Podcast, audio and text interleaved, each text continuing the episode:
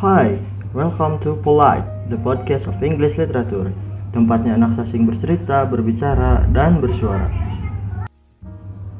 Buat kalian yang baru tahu, podcast ini diadakan sebagai sarana kita mahasiswa sastra Inggris buat sharing-sharing seputar perkuliahan, pengalaman, ataupun sekedar ngobrol santai bareng. Khusus episode pertama podcast ini, kita buka dengan pembahasan Introduction to English Literature Environment atau bisa disingkat ITLE. Nah, khususnya buat mahasiswa baru 2020 nih. Halo, selamat datang sastra Inggris. Semoga kita bisa cepat ketemu ya di kampus nanti. Nah, kali ini kita kedatangan kakak-kakak alumni dari jurusan kita, yaitu ada tiga orang ya di sini. Mungkin bisa diperkenalkan dulu dari masing-masing ke orang. Ya, terima kasih sebelumnya kepada HMJ baru yang telah mengundang kita ke sini untuk menyampaikan beberapa pengalaman kita selama kuliah di Sasa Inggris mungkin ya. Langsung saja saya Dikri Fatur Rahman dari angkatan Elixir 2015. Nama saya Arkan, sama dari angkatan 2015 juga. Saya Sauri dari angkatan 2015, angkatan Elixir. Nah, mungkin buat kalian yang belum tahu, kakak-kakak ini lulus tahun kemarin dan juga mereka sempat menjabat di himpunan mahasiswa jurusan periode 2 tahun yang lalu. Mungkin langsung saja ya mulai ke pembahasannya.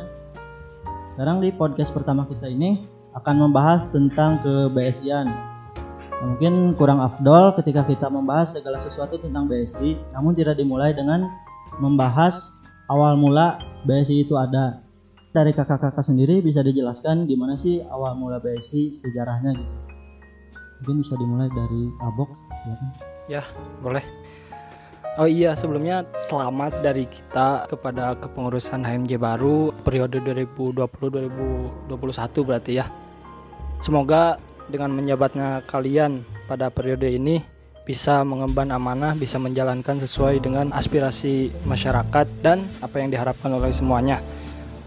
Untuk sejarah BSI sendiri mungkin kita akan membahas secara singkatnya karena mungkin untuk lebih spesifiknya lagi membahas sejarah BSI alangkah baiknya sama pendirinya langsung mungkin ya nanti.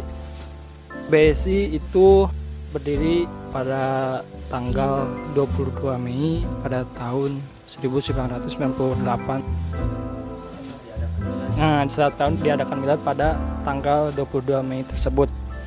Dan untuk sejarah BSI ini banyak juga alumni dari sastra Inggris yang menjadi dosen di sastra Inggris sekarang seperti Pak Hasbi, Pak Dian, Bu Mirna dan dosen-dosen lainnya banyak yang mereka mengabdi di jurusan ini juga gitu. Nah, termasuk Pak Dedi juga alumni dari sastra Inggris ini gitu. Terus yang lebih menariknya ke depannya juga dari tahun ke tahun di sastra Inggris ini diadakan pengenalan akademik dengan diberi nama angkatan setiap tahunnya gitu. Dan yang kita ketahui untuk angkatan tahun 2014 yang bernama Marvelous, kemudian angkatan kita angkatan 2015 itu dinamai dengan angkatan Elixir, kemudian angkatan 16 itu dinamai dengan Peacemaker, angkatan 17 itu Eclipse, angkatan 18 United Star, angkatan 19 yang kemarin Phoenix. Nah, untuk angkatan 2020 kalian nantikan apa sih nama angkatan yang sesuai dengan angkatan kalian. Tunggu saja nanti waktunya. Ya, tapi sebenarnya untuk pemberian nama angkatan itu dimulai sejak kapan sih? Untuk penamaan nama angkatan itu kalau dari awal yang saya ketahui itu tidak ada mungkin. Kalau tidak salah itu dari angkatan 13 atau 12 gitu ya. Saya belum tahu pasti gitu. Yang kita tahu itu dari angkatan 2014 gitu sih. Ya, sejak Marvelous itu. Oke. Mungkin boleh dari yang lain. Eh, kalau saya sih mungkin membahas mengenai seperti apa sih eh, milad itu yang sering diperingati setiap tahunnya itu.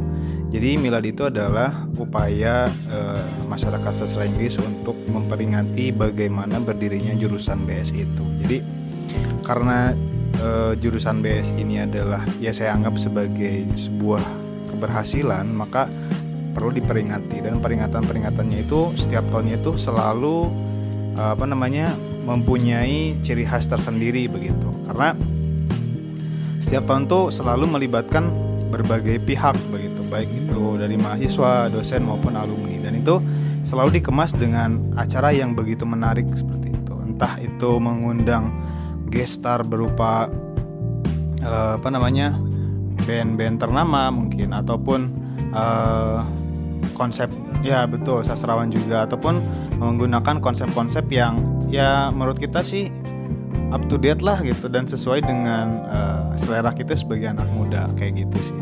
Kalau untuk sejarahnya mungkin tadi sudah di apa namanya sudah dibahas oleh Jikri uh, bagaimana berdirinya, kemudian kapan berdirinya dan mungkin juga nanti lebih jelasnya mungkin ada uh, apa namanya ada pembahasan lanjutan mungkinnya dari bapak-bapak dosen atau ibu-ibu dosen yang mungkin lebih lebih apa namanya lebih berkompeten dalam pengetahuan tentang sejarah BSI itu.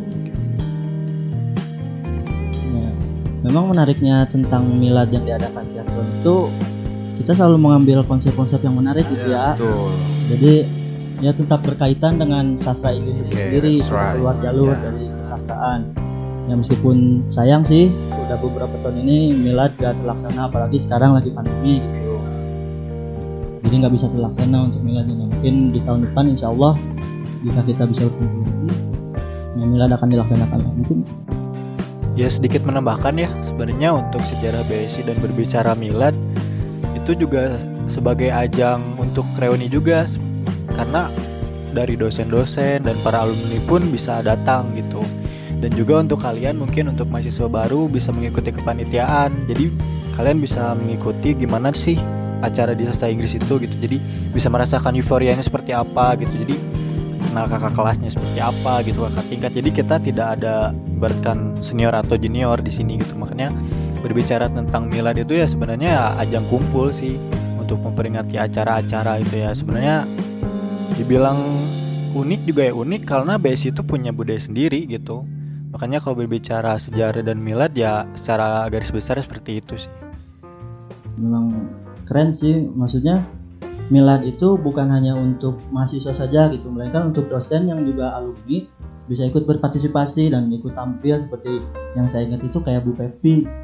Dia kan suka nari gitu nah kalau tampil kayak Padian baca puisi mungkin setelah dari sejarah ya tadi kan sempat dibahas juga tentang milad milad itu termasuk sebuah budaya di BSI nah mungkin selain milad apalagi sih yang bisa dijadikan ciri khas budaya di BSI gitu Eh, kalau berbicara budaya itu kan berarti berbicara cul- culture ya.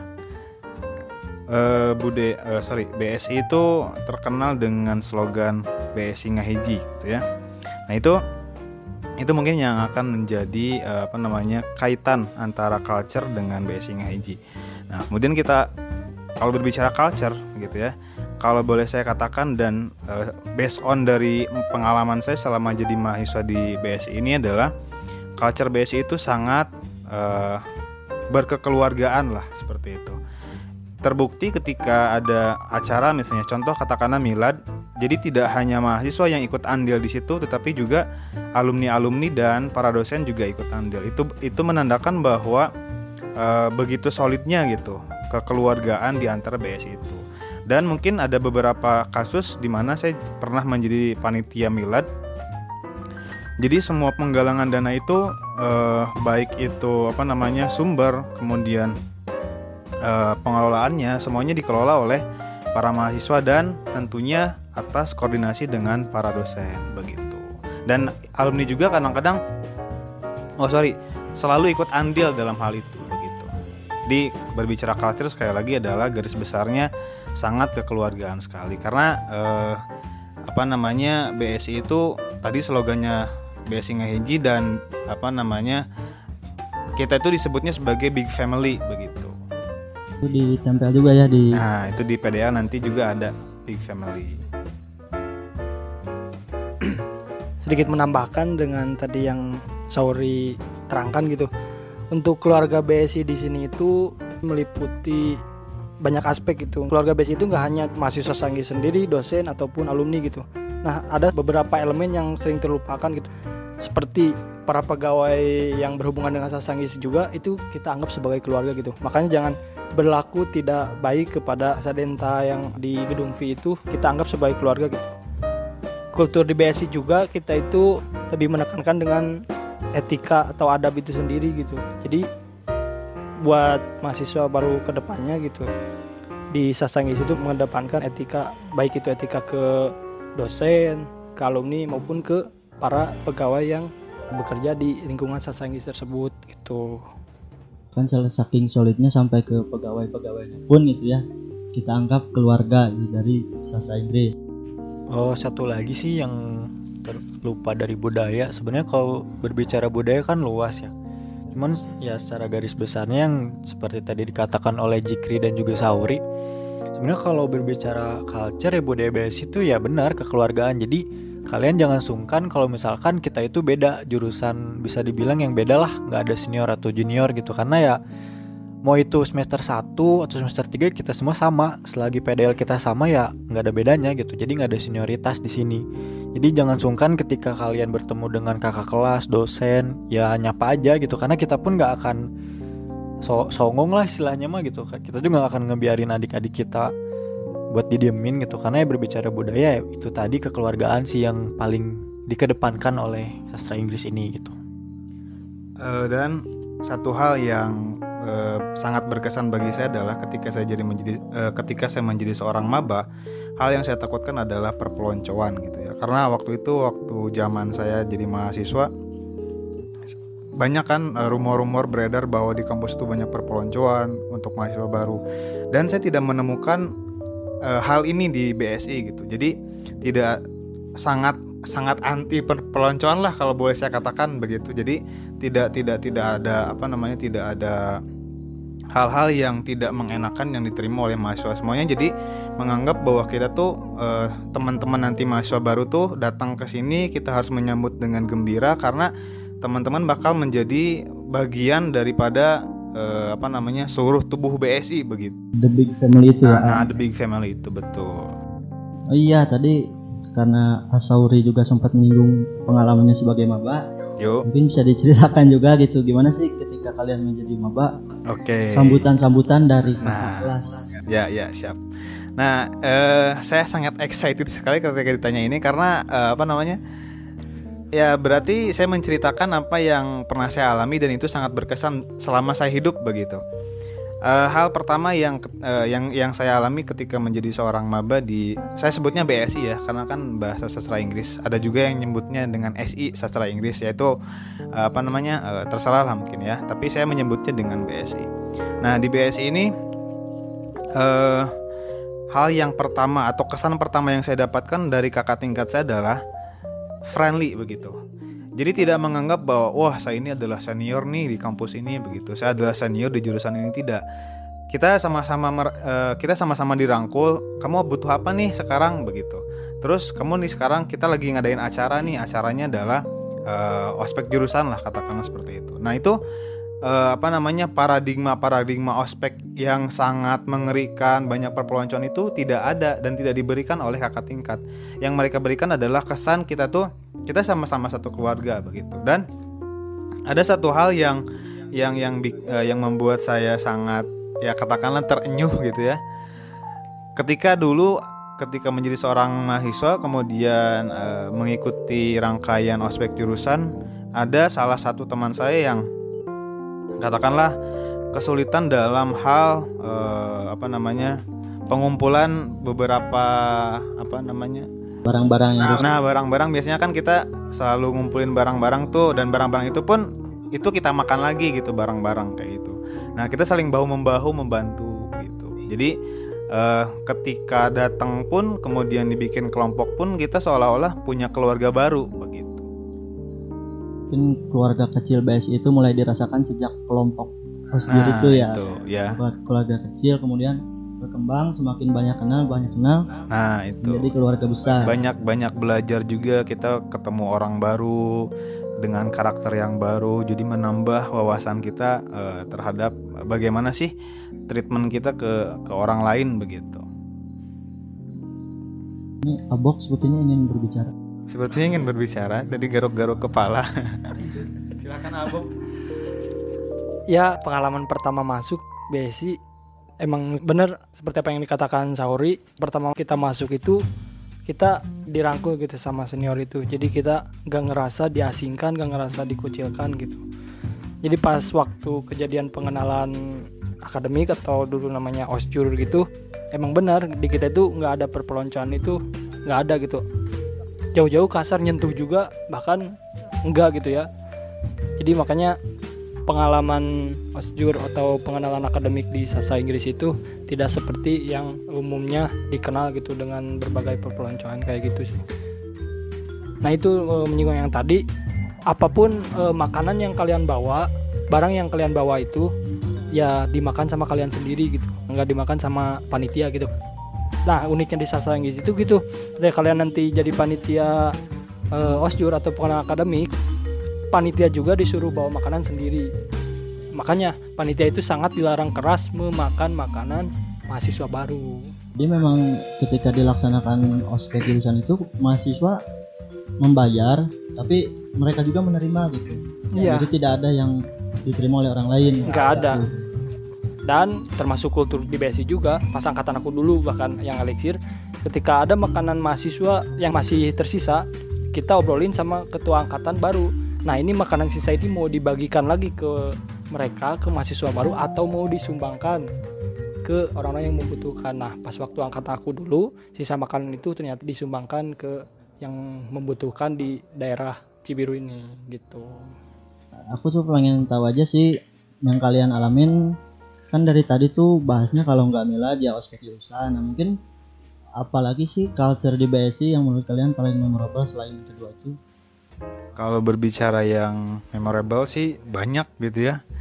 Cuman ya mungkin di antaranya tadi milad, kemudian eh, aspek jurusan dan ya mungkin itu rangkaian acara-acara sebagaimana kampus secara umum lah begitu selalu ada gitu ya. Cuman yang paling memorable ini dan terpatri dalam hidup saya begitu ya adalah slogannya begitu slogan BSI Ngahiji.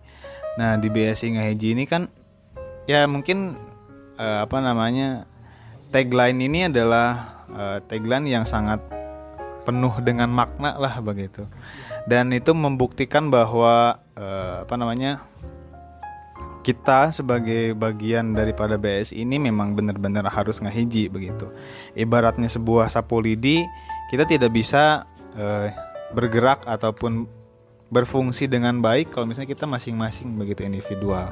Nah di situ BSI Ngehiji itu artinya ya kita sama-sama saling bahu membahu untuk membangun BSI sebagai rumah yang nyaman, aman dan sejahtera begitu.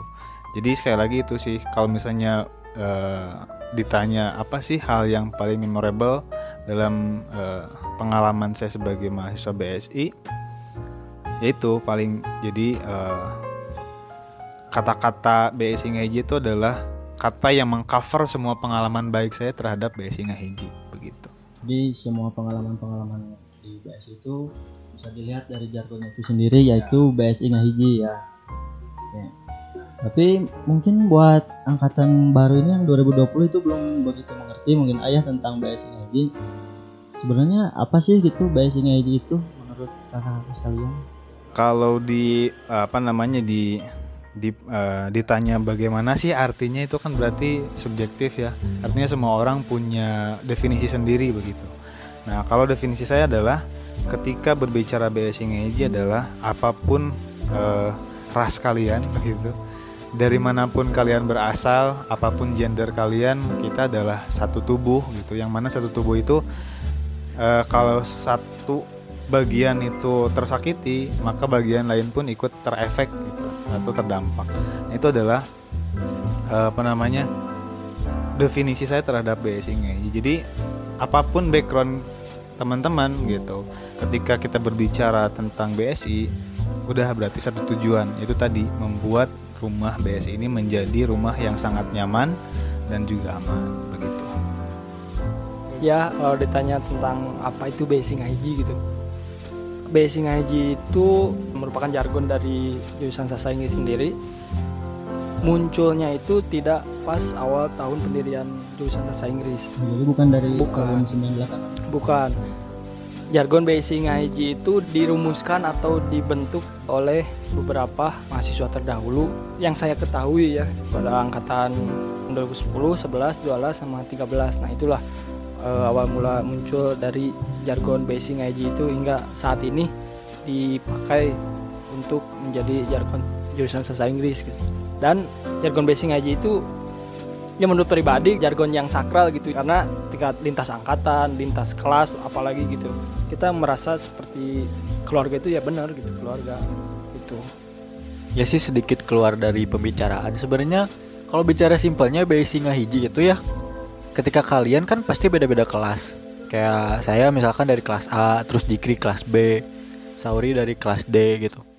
Ya ambil manfaatnya sih kalau misalkan kalian ada UTS atau ujian mendadak gitu ya. Jadi kalian itu bisa tahu gitu soal yang sebelumnya tuh gimana gitu. Jadi bisa cari-cari info lah.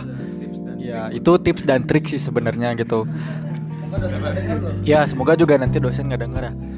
Terus juga kalau misalkan kalian, aduh males nih masuk matkul si bapak A misalkan, kalian bisa ikut di kelas lain gitu. Kalau misalkan kalian mau skip hari itu, kalian mau jajan atau gimana itu bisa. Nah itu manfaatnya.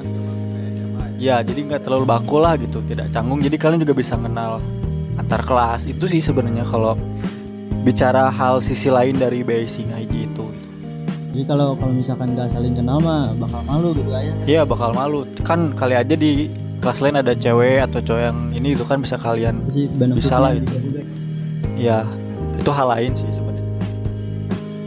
Terus juga tadi disinggung tentang mata kuliah. Mungkin eh, apa aja sih yang dibahas gitu di sastra Inggris ini? Karena kan mungkin bagi orang-orang awam itu susah membuat membedakan antara sastra Inggris dengan pendidikan bahasa Inggris gitu. Nah, jadi emang apa sih bedanya gitu? Kan sama-sama bahasa Inggris, bisa kursus. Ya betul. Saya pernah mendengar itu ketika saya diam di Indomaret. Ya, ada eh, ketika saya duduk di Indomaret ini cerita dikit boleh ya. Ketika duduk di Indomaret waktu itu saya masih ingat itu waktu itu maghrib ada yang bilang bahwa ngapain sih kuliah di sastra Inggris? Toh kamu bisa mendapatkan ilmu itu dari tempat bimbel begitu.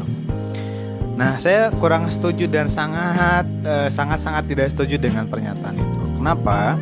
Karena di bimbel itu di bimbel itu kita dididik ataupun dibentuk menjadi seorang eh, apa namanya pemakai pemakai bahasa gitu ya karena kan di bimbel itu kan pasti eh, proyeksinya adalah pertama kalau tidak dunia kerja eh, bisa speaking kemudian bisa structure segala macam gitu. Nah tapi di dalam bahasa Inggris itu kita tidak hanya belajar bahasa tetapi kita juga belajar bagaimana budaya budaya bahasa budaya Inggris itu seperti apa sejarah Inggris itu apa. Nah jujur saja saya saya baru tahu ketika saya kuliah di sastra Inggris bagaimana sih sejarah antara sejarah Amerika itu seperti apa gitu ya ternyata Amerika itu kan adalah dulunya adalah eh, apa namanya bagian daripada British kan Britania Raya kayak gitu. Jadi nah itu itu ternyata itu yang kita tidak dapatkan di bimbel-bimbel begitu kan. Kalau di bimbel kan kita belajar cuman speaking cuman structure gitu kan cuman reading. Nah itu itu di sastra Inggris pasti didapatkan. Tetapi nilai lebihnya adalah bagaimana kita memahami eh, apa namanya arti dari bahasa itu sendiri. Kita kan belajar bagaimana sih bahasa itu. Ada yang namanya arbitrer arbitrer itu apa gitu kan. Nah, banyak lagi. Kemudian tidak hanya itu di sastra Inggris juga kita belajar bagaimana menjadi seorang eh, pemikir yang kritis begitu. Nah tadi kalau berbicara matkul berbicara matkul ada beberapa matkul yang sangat saya gemari gitu ya. Menjadi favorit saya lah gitu. Di antaranya adalah pertama critical reading. Dan kedua adalah eh CCT gitu ya classical critical theory nah itu yang pertama critical reading eh menjadi salah satu favorit saya karena ada kesan yang unforgettable gitu di di di mata kuliah itu. Yang mana ketika saya dulu waktu masuk pertama kali di mata kuliah critical reading itu, saya sama dosen itu dikasih satu teks dan kita nggak tahu kita harus ngapain gitu kan. Udah dikasih aja, nih kalian baca baca satu teks ini. Terus kalian pikirkan apa yang ada dalam teks itu. semua dari kita dari mahasiswa ngebahas tentang konten. Gitu ya ngebahas tentang konten. Tetapi pas di akhir sesi perkuliahan ternyata bukan itu. Tujuan dosen itu memberikan memberikan eh, apa namanya bacaan itu memberikan teks itu. Tujuannya adalah kita harus mengkritisi seperti apa sih teks ini? Siapa sih penulisnya? Apa latar belakangnya? Nah dan itu kita tidak pikirkan. Nah itu men-trigger kita untuk menjadi seorang oh iya ya ini siapa nih penulisnya? Kayak gitu. Nah sekarang kan bicara di era sekarang kan banyak berita hoax ya. Banyak sekali kan beredar berita hoax baik itu mengenai politik eh, apa namanya terutama di pandemi ini kan banyak sekali berita hoax. Nah itu kritika reading itu yang kita butuhkan di kehidupan sehari-hari. Dan itu tidak akan saya jamin itu tidak akan bisa kita dapatkan ketika kita masuk bimbel. Begitu. Itu salah satu salah satu di antara sekian banyak perbedaan antara sastra Inggris dan bimbel. Kemudian perbedaannya dengan PBI dari namanya saja sudah beda. Bahasa dan sastra Inggris. PBI pendidikan bahasa Inggris. Nah kalau bahasa dan sastra Inggris saya masih ingat perkataan Pak Pak Agus kalau tidak salah kalian itu didik menjadi seorang peneliti. Begitu di sastra Inggris itu jadi kalian itu menga, apa membedah bagaimana sih bahasa itu gitu ya menjadi seorang peneliti gitu. Nah kalau pendidikan itu dididik untuk menjadi seorang pendidik bukan peneliti. Begitu. Jadi perbedaannya itu kalau bahasa Inggris itu setelah misalnya kita lulus kuliah eh, lulus di sastra Inggris kita tahu nih oh bahasa itu seperti ini loh begitu.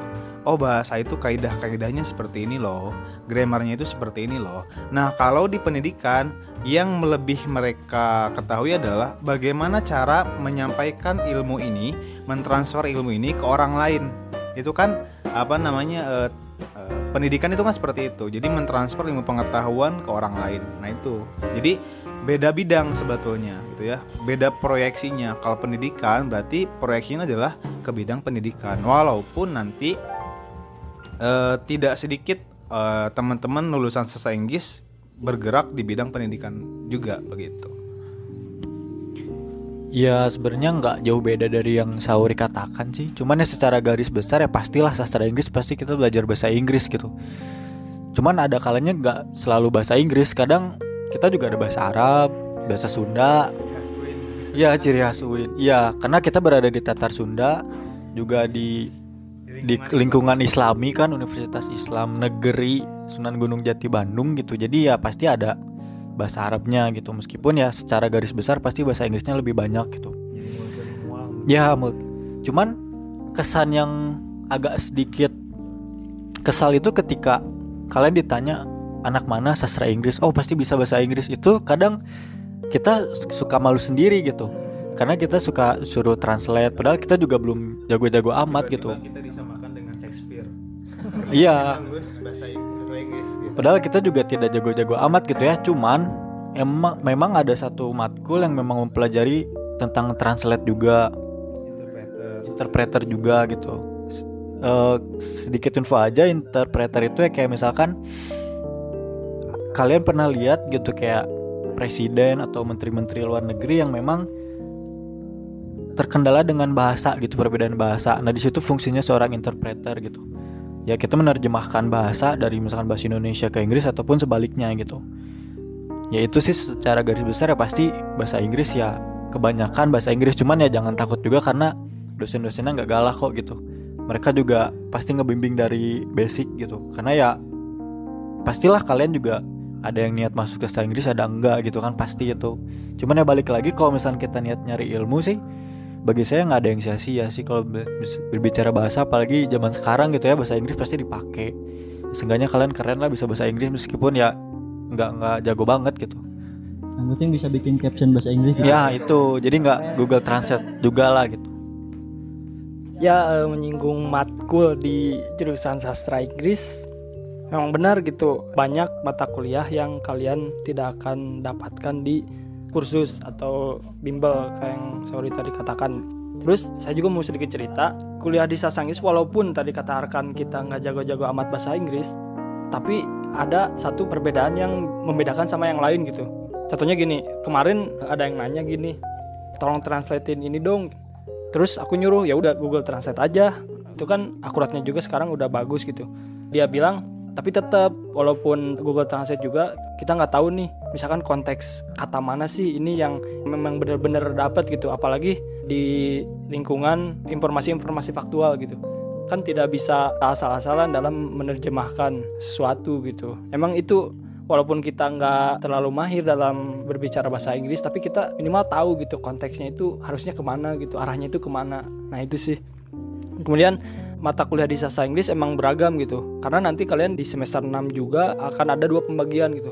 Kalian akan berfokus ke linguistik yaitu tata bahasa dari bahasa Inggris itu sendiri dan di samping ada fokus ke sastra gitu. Jadi nanti semester 6 itu kalian dibagi dua dua fokus gitu. Mau ke linguistik atau ke sastra kayak gitu. Dan kalau berbicara perbedaan, ada satu yang saya ingat. Karena skripsi saya adalah tentang morfologi. Jadi saya juga ingat tentang morfologi. Dan itu saya sadari bahwa oh ternyata iya ya bahwa kata ini tuh unik begitu. Dan ini tidak tidak dipelajari di di apa namanya di di bimbel-bimbel gitu kan kalau kalau misalnya kita bandingkan aja dengan bimbel. Karena kan tadi awalnya adalah saya pernah mendengar orang yang mengatakan ngapain sih kuliah jurusan sastra Inggris? gitu.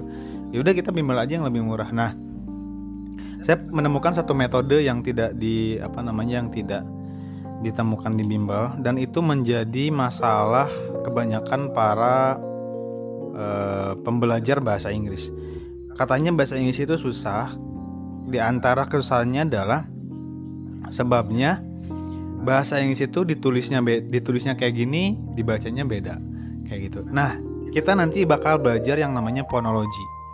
Itu fonologi itu kita belajar bagaimana sih baca huruf-huruf di setiap bahasa Inggris itu nah gitu ya.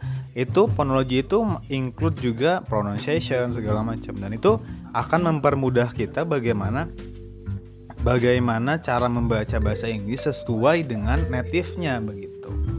Pokoknya bicara matkul dan perbedaannya aduh banyak banget. Kalau misalnya saya bahas semua kayaknya bisa sampai dua hari ini podcast gitu ya. Jadi mungkin itu gambaran besarnya kayak gitu. Jadi misalkan gini ah, eh, kalau saya gambarkan sastra Inggris itu bahasa Inggris itu cuma sebagai kendaraannya aja gitu. Kan yang kita pelajarinya dari budaya-budaya dari sastra itu tapi tidak mengesampingkan bahasanya itu sendiri. ya begitu jadi ya betul ibaratnya analoginya adalah ketika kita di bimbel kita hanya belajar bagaimana menyetir tapi ketika dalam dalam bahasa Inggris kita belajar tidak hanya menyetir tetapi jadi montir bagaimana sih mesin itu cara kerjanya gitu kan bagaimana sih komponen-komponennya kayak gitu Meskipun nanti misalkan mobil itu bisa membawa kita kepada sastra atau apa pun tujuan kita, ya betul tapi kita juga harus mengetahui gitu ya ya betul komponen-komponen yang ada di mobil Hmm. itu. kompleks banget lah gitu Nah, mungkin karena tadi itu kayak ada dua jalur gitu. Jadi kita mau belajar tentang bahasanya atau tentang sastranya nih. oke Kakak-kakak di sini itu milihnya apa sih waktu semester 6? Saya eh, dan teman-teman yang ada di sini kebetulan eh, bukan kebetulan mungkin sudah jalurnya adalah memilih linguistik gitu, memilih tentang eh, berfokus pada kebahasaannya. Karena kan yang jadi konsentrasi di kita di UIN terutama hanya bahasa itu sendiri dan eh, hasil dari bahasa itu yaitu karya sastra begitu. Nah, jadi kalau misalnya ditanya kita ngambil apa nih? Semuanya di sini ngambilnya linguistik kebahasaan kayak gitu. Cuman kalau misalnya ditanya gimana sih rasanya jadi anak sastra? Kebetulan karena kita punya teman banyak teman yang ngambil sastra juga. Jadi kita setidaknya tahu lah gimana sih perbedaan yang lebih spesifik antara linguistik sama sastra itu kayak gimana sih perbedaannya kayak gitu. Oke, perbedaannya adalah pertama dari segi mata kuliah yang diambil. Kalau linguistik, mata kuliah yang diambil itu adalah mata kuliah yang berhubungan dengan kebahasaan itu sendiri. Contoh misalnya, anak linguistik ngambil mata kuliahnya itu tentang morfologi, fonologi, gitu ya. Nah, kalau anak eh, sastra biasanya ngambilnya itu tentang puisi, prosa, film itu pendalaman lebih ke karya sastranya kayak gitu. Kalau linguistik itu lebih ke tata bahasanya. Itu sih salah satu uh, perbedaan dari uh, apa namanya mata kuliah. Kemudian hasilnya juga pun berbeda. Ketika inputnya beda, outputnya juga beda. Nanti kalau anak linguistik eh, bikin skripsinya itu ya seputar linguistik kayak gitu. Kalau sastra, anak-anak sastra eh, apa namanya objek objek penelitiannya itu yaitu karya sastra baik itu berupa skrip film ataupun novel ataupun cerpen begitu. Dan eh, masih banyak lagi karya-karya sastra yang lain kayak gitu. Ya sedikit menambahkan aja sih kalau misalkan berbicara sastra atau linguistik ya simpelnya gini sih. Kalau sastra ya pasti nggak cuman tentang puisi. Kadang drama film musik pun itu bisa menjadi sebuah karya sastra gitu. Nah gimana caranya itu bisa menjadi sebenarnya sastra sama linguistik nggak beda jauh sih hampir tipis-tipis lah gitu karena ada beberapa juga di misalkan di sastra itu ada yang namanya seperti majas metafora gitu. Nah, kalau misalkan di linguistik ada yang namanya metonimi. Kebetulan skripsi saya juga membahas tentang metonimi. Jadi sedikit pembahasan aja gitu kalau misalkan saya kan bahannya waktu itu dari newspaper ya, Jakarta Post gitu. Jadi itu tuh kayak bacaan yang memang kita tuh gak sadar gitu bahwa kita tuh setiap hari tuh baca bacaan tapi kita tuh nggak dapet intinya apa gitu. Nah si metonimi itu membahas tentang gimana sih caranya kita bisa baca sebuah bacaan tapi langsung dapat to the point gitu. Nah itu secara linguistiknya mungkin kalau secara eh, sastranya mungkin ada beberapa kata yang seperti yang ya metafora itu sendiri kayak dilebih-lebihkan gitu. Karena kan berita juga kadang ada kata-kata yang memang dilebih-lebihkan gitu. Nah itu secara sastranya gitu. Mungkin lebih seperti itu sih karena ya beda-beda tipis sebenarnya. Tergantung kita mau lihat dari sudut pandang mana sih. Cuman ya secara garis besar ya sastra itu ya seni gitu. Jadi yang berhubungan dengan seni. Kalau linguistik lebih ke meneliti lah gitu.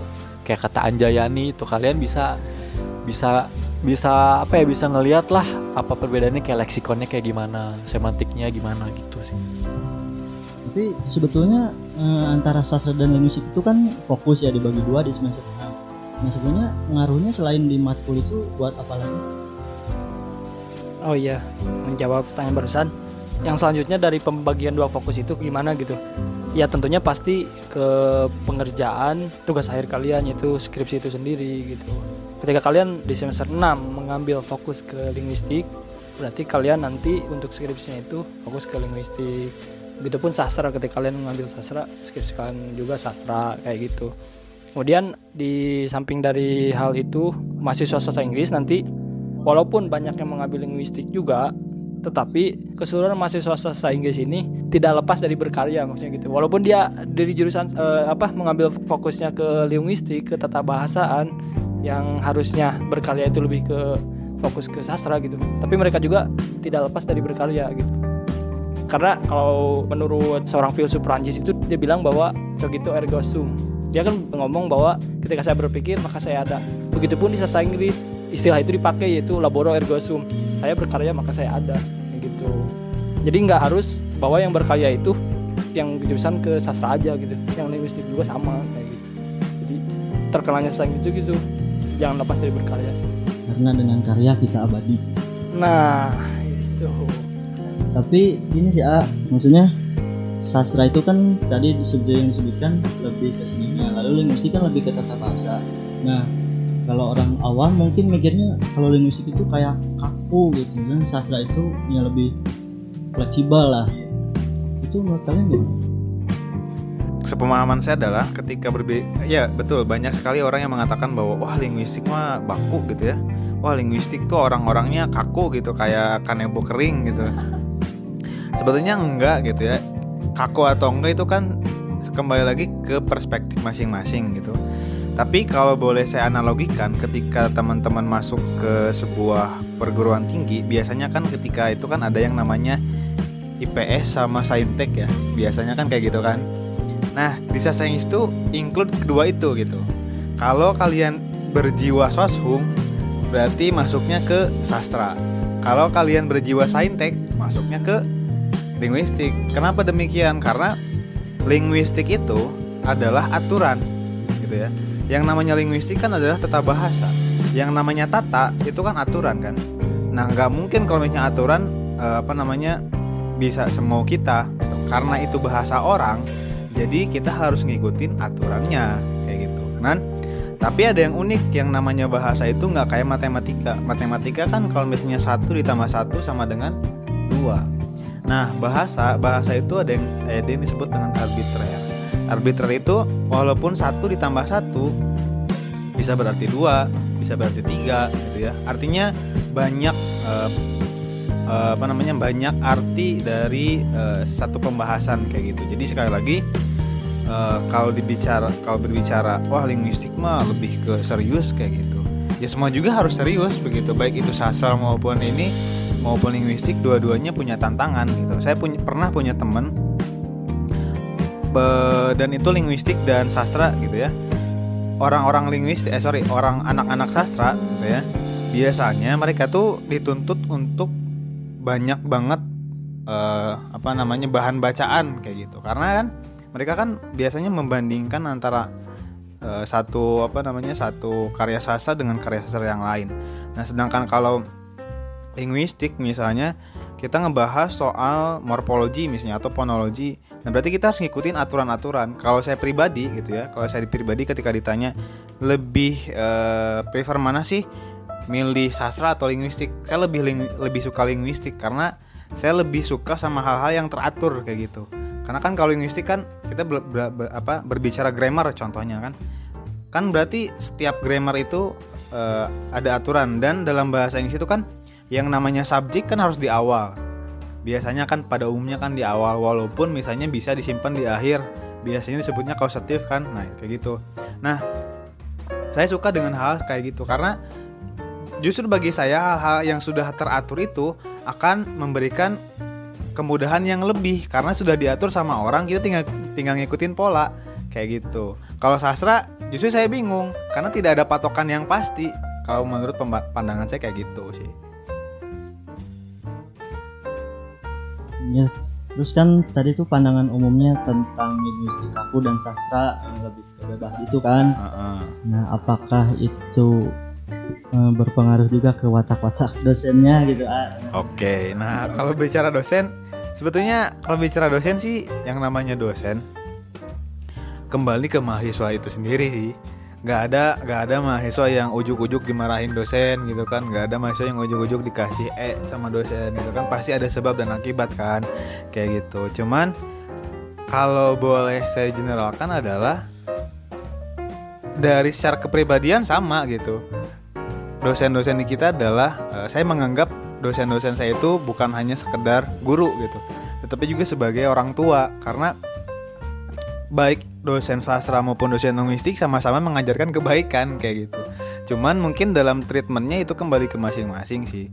Kan suka ada paradigma, wah katanya dosen-dosen yang sastra, eh yang dosen-dosen yang linguistik banyak yang killer-killer kayak gitu. Tapi sejauh saya jadi mahasiswa linguistik nggak ada tuh yang killer gitu ya. Maksudnya tuh eh ya dos- setiap dosen punya tipe kedisiplinan masing-masing gitu ya. Dan itu dan saya bersyukur ketika saya mendapat dosen yang killer. Dan saya sebetulnya kurang apa namanya kurang memahami apa sih definisi killer itu gitu. Apakah dosen yang menyulitkan mahasiswa ataukah dosen karena gini banyak dosen yang ingin mahasiswanya berhasil dengan menerapkan kedisiplinan. Dan itu kan eh, fungsinya ataupun eh, apa namanya tujuannya supaya kita disiplin kemudian kita siap di lingkungan yang baru setelah kita beres kuliah kan kayak gitu. Dan saya eh, apa namanya tidak setuju ketika ada yang bilang wah dosen ini disiplin berarti dia killer. Enggak enggak kayak gitu. Ya. Pemahaman saya adalah dosen yang killer itu adalah dosen yang psikopat gitu ya. Suka apa namanya nempelin mahasiswa. Nah itu baru baru disebut killer gitu ya. Jadi saya nggak paham gitu apa sih definisi dosen killer itu kayak gitu ya kecuali kalau misalnya kita dikasih tugas yang tidak sesuai dengan kemampuan kita misalnya kita dikasih tugas bikin candi satu malam nah itu baru bisa disekatakan sebagai dosen killer kayak gitu Oh ya di di sastra maupun linguistik itu kan itu berada semester 6 ya. Sebenarnya kalau misalkan tentang berbicara mata kuliah juga nggak selalu tentang di kelas gitu karena sastra Inggris juga ya namanya juga sastra Inggris gitu. Pasti kan kita membawa suatu budaya dari luar baik itu luar maupun di dalam gitu ya. Jadi ada satu matkul namanya matkul drama, mungkin kalian juga nanti bakal ngerasain namanya matkul drama.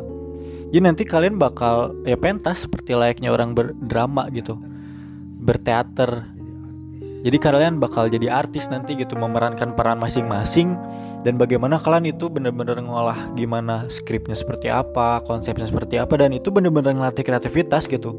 Di luar dari sastra dan linguistik ya itu memang bener-bener satu matkul yang memang seru sih. Terus juga ada matkul film buat kalian yang suka nonton film, kalian bakal nanti disuruh nonton film terus gitu. Tugasnya nonton film aja di kelas gitu. Karena ya berbicara tentang matkul di sastra Inggris ya memang nggak bikin bete sih menurut saya gitu. Karena memang buat kalian terutama yang suka entertain gitu ya film musik juga bisa dibahas. Terus juga uh, ya drama film apalagi ya? Bikin film juga gitu. Iklan ya terserah kalian gitu itu tergantung dosennya. Ya seperti itu sih. Jadi nggak selalu di kelas dan juga nggak selalu tentang materi sih sebenarnya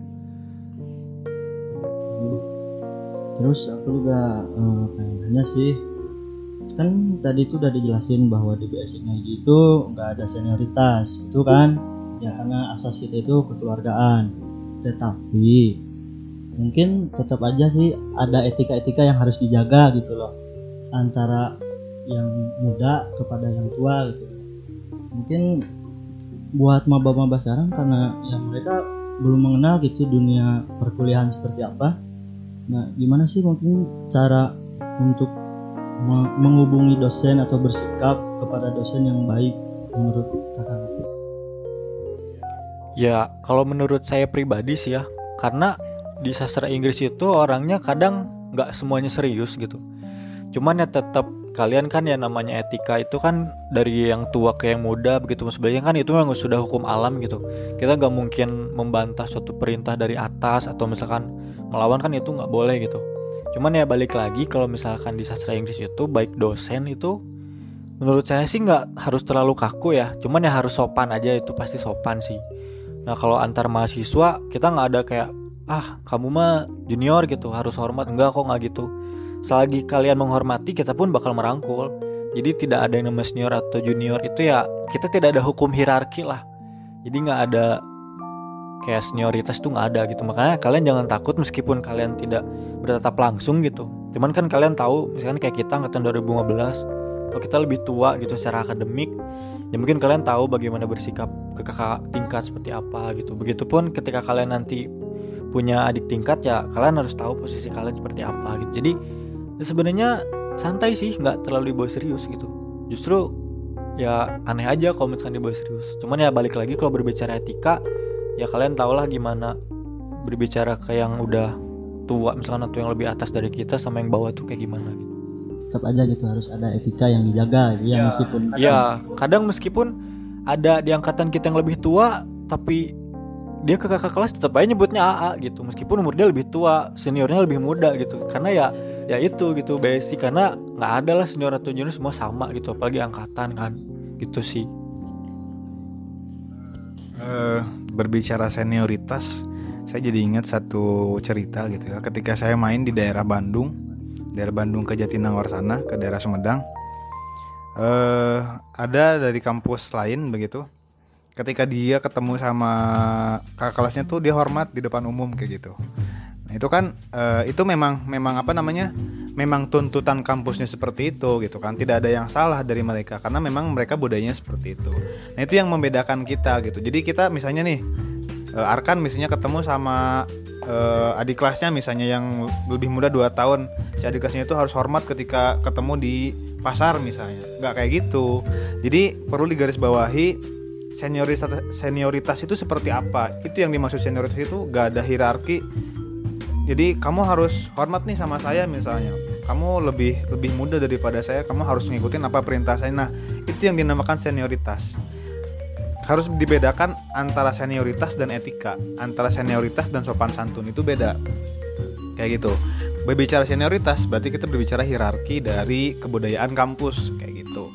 Nah kemudian berbicara etika yaitu sebagai orang Indonesia terutama Ban, uh, Win Bandung yang Win yang mana Win Bandung itu kan ada di Tetar Sunda. Terkenal banget kan orang Sunda itu dengan sopan santunnya kan yang bahasanya pun kan beda-beda setiap apa namanya setiap uh, usia itu kan. Nah, jadi perlu digarisbawahi dulu yang dimaksud senioritas itu apa sih begitu dan itu tolong dibedakan antara senioritas dan sopan santun. Dan itu satu uh, dua hal yang sangat berbeda begitu. Jadi uh, sekali lagi senioritas itu tidak tidak harus misalnya kita ke kelas, woi misalnya. Ya ya kalau misalnya kakak kelasnya berterima dan biasa aja ya nggak apa-apa kayak gitu. Cuman kan ada beberapa kampus misalnya contohnya ketika misalnya teman-teman mahasiswa baru ketika di SMA pasti antara anak kelas 10 dan kelas 12 kan pasti manggilnya kalau nggak AA abang akang kakak gitu kan. Kayak gitu. Nah kalau misalnya di sastra Inggris ada tuh angkatan yang jauh 2 tahun dia manggilnya nama aja. Dan itu nggak masalah kayak gitu. Kayak gitu. kadang-kadang sebutan misalnya Arkan dipanggilnya uh, Lemon misalnya kayak gitu kan. Ya kan gak ada masalah kan kayak gitu. Sepanjang ya dia ber, mereka berdua sering berterima satu sama lain kayak gitu. Jadi itu sih yang itu salah satu apa namanya salah satu hal yang membangun solidaritas kita sih gitu bahkan ngopi bareng makan gorengan bareng gitu ya. Kayak gitu. Ketika berbicara etika ya kembali lagi kepada orangnya gitu ya. Kita harus nah, lihat betul. orangnya dulu kayak gimana. Ya tetap maksudnya tuh kita harus sadar bahwa ini siapa sih yang yang jadi lawan bicara kita gitu kan. Kayak gitu.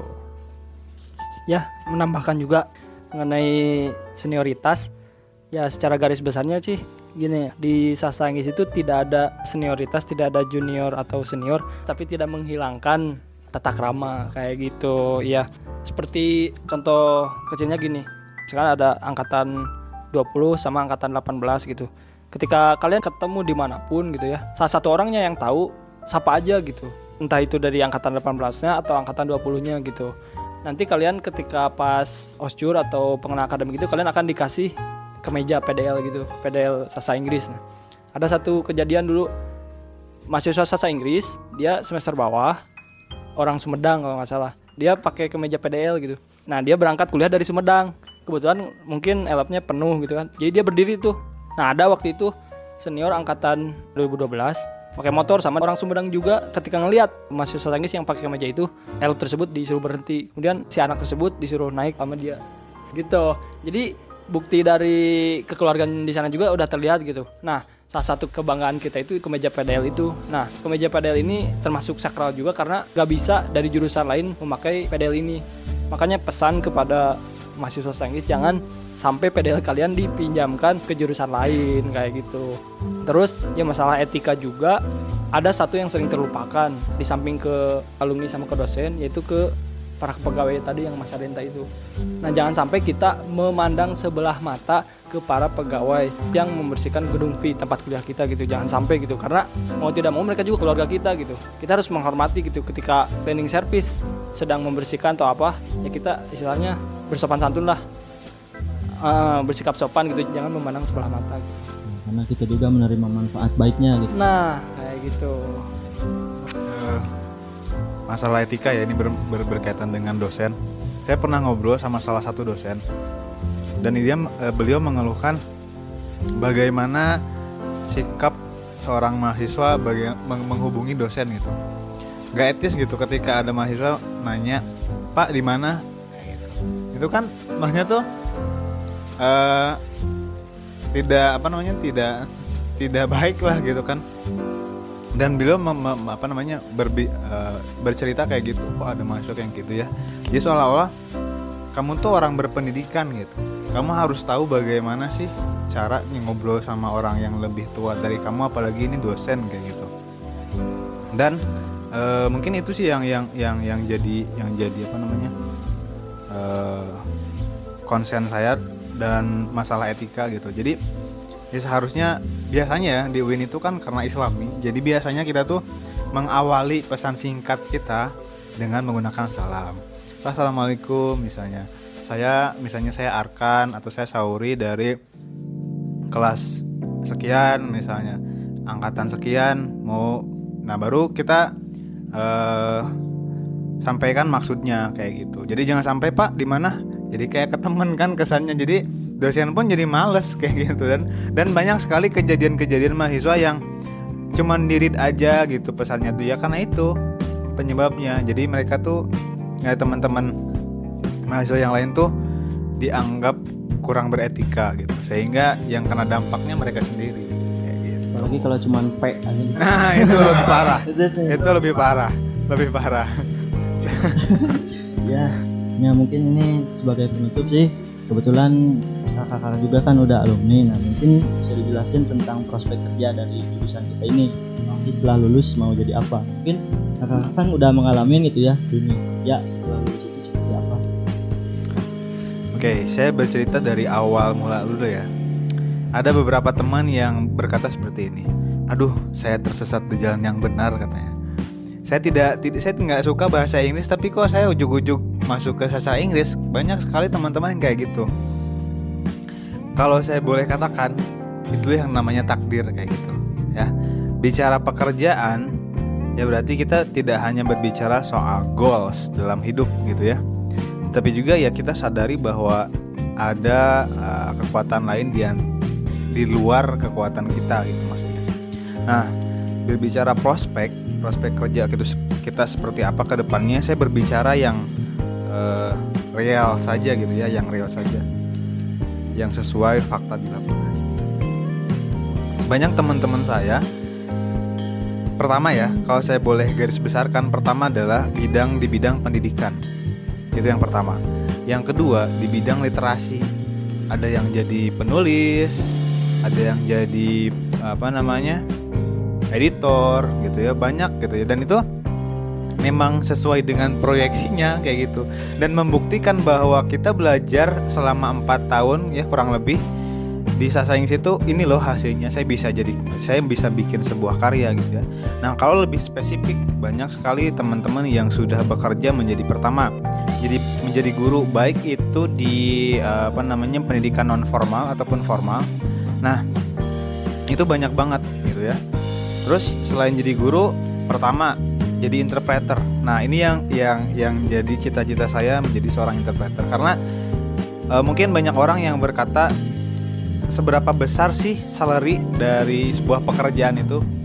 Jangan salah jadi seorang interpreter itu salarynya gede banget gitu ya. Interpreter kemudian jadi seorang penulis itu wah keuntungannya tuh kita tuh nggak bisa hitung gitu. Ada beberapa dosen yang jadi inter, uh, yang yang beliau adalah seorang interpreter yaitu Pak Andang ya. Pak Andang Saeho beliau uh, interpreter yang inilah gitu. Dan kajur saat ini adalah Pak Andang. Uh, kita belajar interpreter dari beliau dan sangat bermanfaat sekali begitu. Nah jadi salah satunya itu pertama uh, menjadi tenaga pendidik di luar uh, apa namanya baik itu formal maupun non formal kemudian interpreter penulis segala macam dan tidak hanya di bidang kebahasaan sebetulnya. Banyak juga uh, teman-teman saya menjadi seorang pembisnis pembisnis sukses. Ada di antara teman saya yang jadi seorang pembisnis dan dia bisa langsung jalan-jalan ke luar negeri gitu ya. Hebat banget kayak gitu. Dan itu uh, ya mungkin ya, bicara takdir tadi kembali ya mungkin itu takdir dia jadi seorang pembisnis. Cuman kan kita lihat jalannya begitu kan. Jadi kalau misalnya berbicara prospek ke depan sastra Inggris mau jadi apa jangan khawatir gitu lulusan sastra Inggris pasti menjadi manusia yang bermanfaat itu kan intinya untuk sekitarnya cuman ya mungkin kalau berbicara proses, uh, profesi baik itu menjadi seorang guru, interpreter, pembisnis, semuanya uh, apa namanya.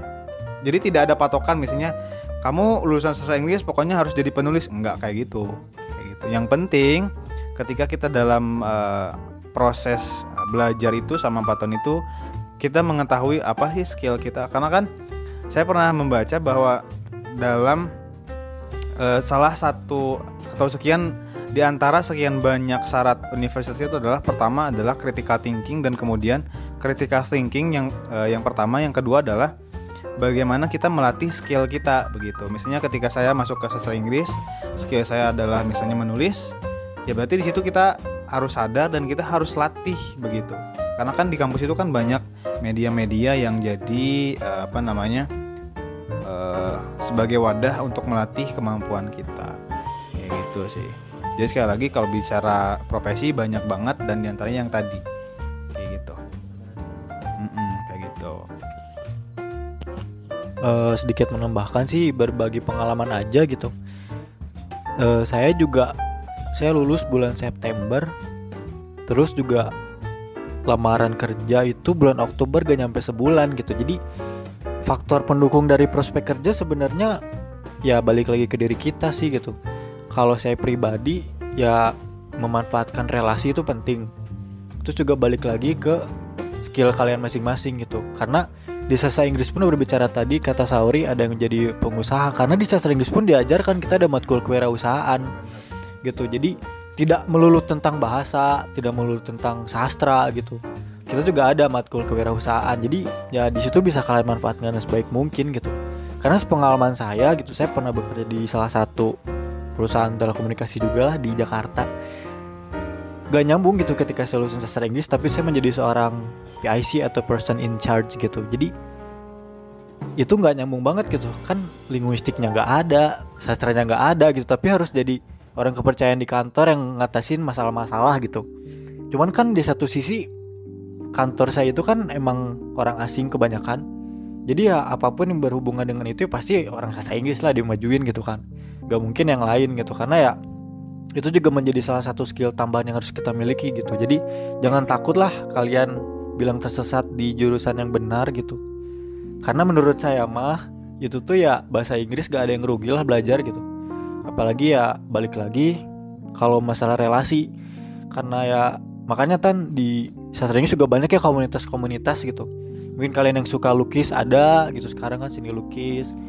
Yang suka pecinta alam ada yang drama atau fotografi kan sekarang lagi musim juga tuh digital gitu kan. Di periklanan juga bisa copywriter. Jadi banyak lah gitu. Jadi ya di sini juga himpunan mahasiswanya juga mendukung lah gitu skill kalian gitu. Karena ya organisasi relasi dan juga skill kalian itu penting sih untuk prospek kerja ke depannya. Karena tidak selalu tentang jurusan tapi mungkin sama di jurusan lain pun yang namanya kerja itu pasti bakal keluar dari out of the box lah. Nggak melulu tentang jurusan. Ya balik lagi ke skill sama relasi kalian sih. Itu sih. Karena saya juga pernah dengar ungkapan kayak gini ah, eh, bahwa jurusan sastra Inggris itu tidak mencetak kita untuk menjadi pegawai.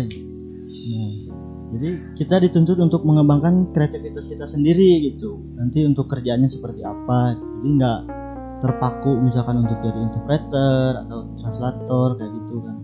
Jadi mengembangkan kreativitas kita juga. Makanya penting juga itu benar tadi tentang relasi. Untuk mengembangkan skill bisa melalui komunitas atau. Ya, eh, tambahan juga untuk prospek kerja ya.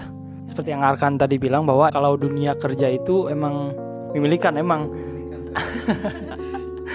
Tapi banyak juga gitu yang mendukung dengan kuliah di sastra Inggris yang sesuai dengan jalurnya misalkan. Dan banyak juga yang keluar dari jalur. Misalkan ada beberapa alumni sastra Inggris yang berhasil di luar dari lingkup sastra Inggris. Misalkan ada yang menjadi ketua KNPI Jawa Barat gitu. Salah satunya itu ada alumni sastra Inggris gitu. Kemudian ada juga sekarang angkatan kita yang kerja di ruang guru. Dia ada Kemudian seperti yang tadi dikatakan bahwa ada yang menjadi pebisnis sehingga dia sukses ada. Kemudian ada yang jadi translator di dunia pendidikan juga ada, yang di dinas juga ada. Bahkan dia kerjanya itu nggak ada yang berhubungan dengan Inggris karena dia punya skill komputer desain, dia keterima di suatu instansi dinas. Kemudian tidak sedikit juga yang di media gitu, entah itu media berita ataupun media lainnya gitu. Ya salah satunya saya sendiri gitu. Alhamdulillah sekarang saya kerja di satu media berita online gitu ya. Ini masuknya lebih ke satu jurusan sih dari jurusan sastra Inggris gitu. Di media berita online ini saya megang bidang itu menjadi translator gitu. Jadi pas banget gitu. Ya intinya kalian jangan takut gitu untuk kuliah di sastra Inggris. Kalian kerja apa gitu. Banyak kok. Banyak sekali yang menjurus dari jurusan sastra Inggris itu. Gitu. Udah terasa ya kita udah ngobrol ternyata udah satu jam nih. Lama juga. Nah, paling untuk penutup mungkin ada closing statement. Sebetulnya closing statement saya agak sedikit panjang. Jadi eh, percayalah ketika teman-teman masuk ke UIN dan itu jadi sastra Inggris teman-teman akan menjadi seorang lulusan sarjana yang baik secara dunia dan ukhrawi begitu ya secara akhirat. Karena tidak jadi yang di, yang diasah itu tidak hanya skill yang ber, berbau-bau duniawi tetapi dalam uh, skill berbau-bau akhirat juga di apa namanya di dilatih begitu karena tuntutan kita adalah tuntutan saya dan teman-teman yang lain yang sudah lulus terutama adalah harus hafal beberapa juz Al-Qur'an kan itu jadi bagi saya adalah eh, nilai tambah lah begitu. Jadi tidak hanya kita disiapkan untuk menjadi seorang manusia yang siap dengan era globalisasi sekarang, tetapi juga eh, apa namanya tetap eh, menjadi seorang yang beragama kayak gitu kan. Visi UIN itu kan wahyu memandu ilmu ya, Kak Jikri ya? Kayak gitu. Jadi itu sih. Terus juga teman-teman ketika punya hobi hobi pribadi baik itu hobi melukis ataupun hobi hobi menjadi seorang aktor ataupun apa pun itu pecinta alam kita semua mengcover semua eh, hobi teman-teman gitu. Banyak sekali komunitas-komunitas yang yang apa namanya yang yang terdapat di sastra Inggris. Jadi eh, jangan khawatir ketika teman-teman punya hobi khawatir tidak tersalurkan gitu ya. Jangan khawatir. Nanti insya Allah eh, teman-teman juga pasti bakal menemukan jalan ini hobi saya harus disalurkan ke mana. Kayak gitu sih. Ya mungkin sedikit menyambung yang tadi buat mahasiswa baru di sastra Inggris kalian jangan takut jangan berpikiran bahwa kuliah di sastra Inggris itu mengenai tentang kelas-kelas dan teori-teori di sastra Inggris juga menyediakan banyak sekali komunitas yang bisa mengembangkan kreativitas kalian gitu. salah satunya kalian yang suka literasi mengenai sastra itu ada komunitas FLM Forum Lilin Malam Kemudian kalian yang suka dengan dunia fotografi, desain grafis atau videografis, ada komunitas Visualite. Kemudian bagi kalian juga yang suka nyanyi, itu ada komunitas paduan suara yang bernama Paranada. Kemudian ada juga komunitas yang mengembangkan tentang tari atau budaya, itu ada Sabaris Jati dan yang ingin mengembangkan dari skill bahasa Inggrisnya juga ada yaitu ada Sense of BSI Kemudian ada juga komunitas dari supporter Sasa Inggris sendiri gitu. Ada komunitas Elysium. Kemudian ada Eltra juga bagi kalian yang suka dengan drama atau teater gitu. Dan yang terakhir ada eh, komunitas baru Elite atau English Literature Calisthenics atau olahraga walkout. Nah gitu. Jadi kalian jangan takut kalian bisa mengembangkan kreativitas kalian di komunitas-komunitas yang ada di sastra Inggris. Closing statement dari saya eh, mungkin ya kalian kuliah di sastra Inggris akan dituntut untuk selalu berkarya seperti yang tadi dikatakan yaitu eh, laboro ergo sum. Kalian berkarya maka kalian ada.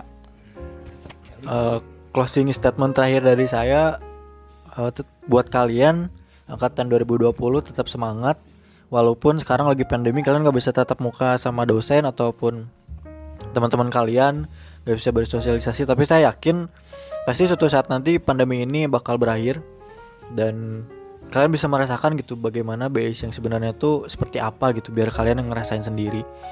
Dan juga eh, buat kalian jangan takut kuliah di sastra Inggris karena balik lagi yang nentuin ke depannya kalian tuh kalian diri kalian sendiri gitu.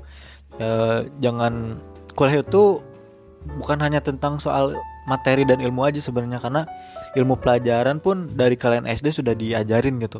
Karena kuliah itu ya mempelajari ilmu hidup juga karena setelah kuliah itu kalian akan merasakan terjun langsung lah ke kehidupan yang sebenarnya gitu.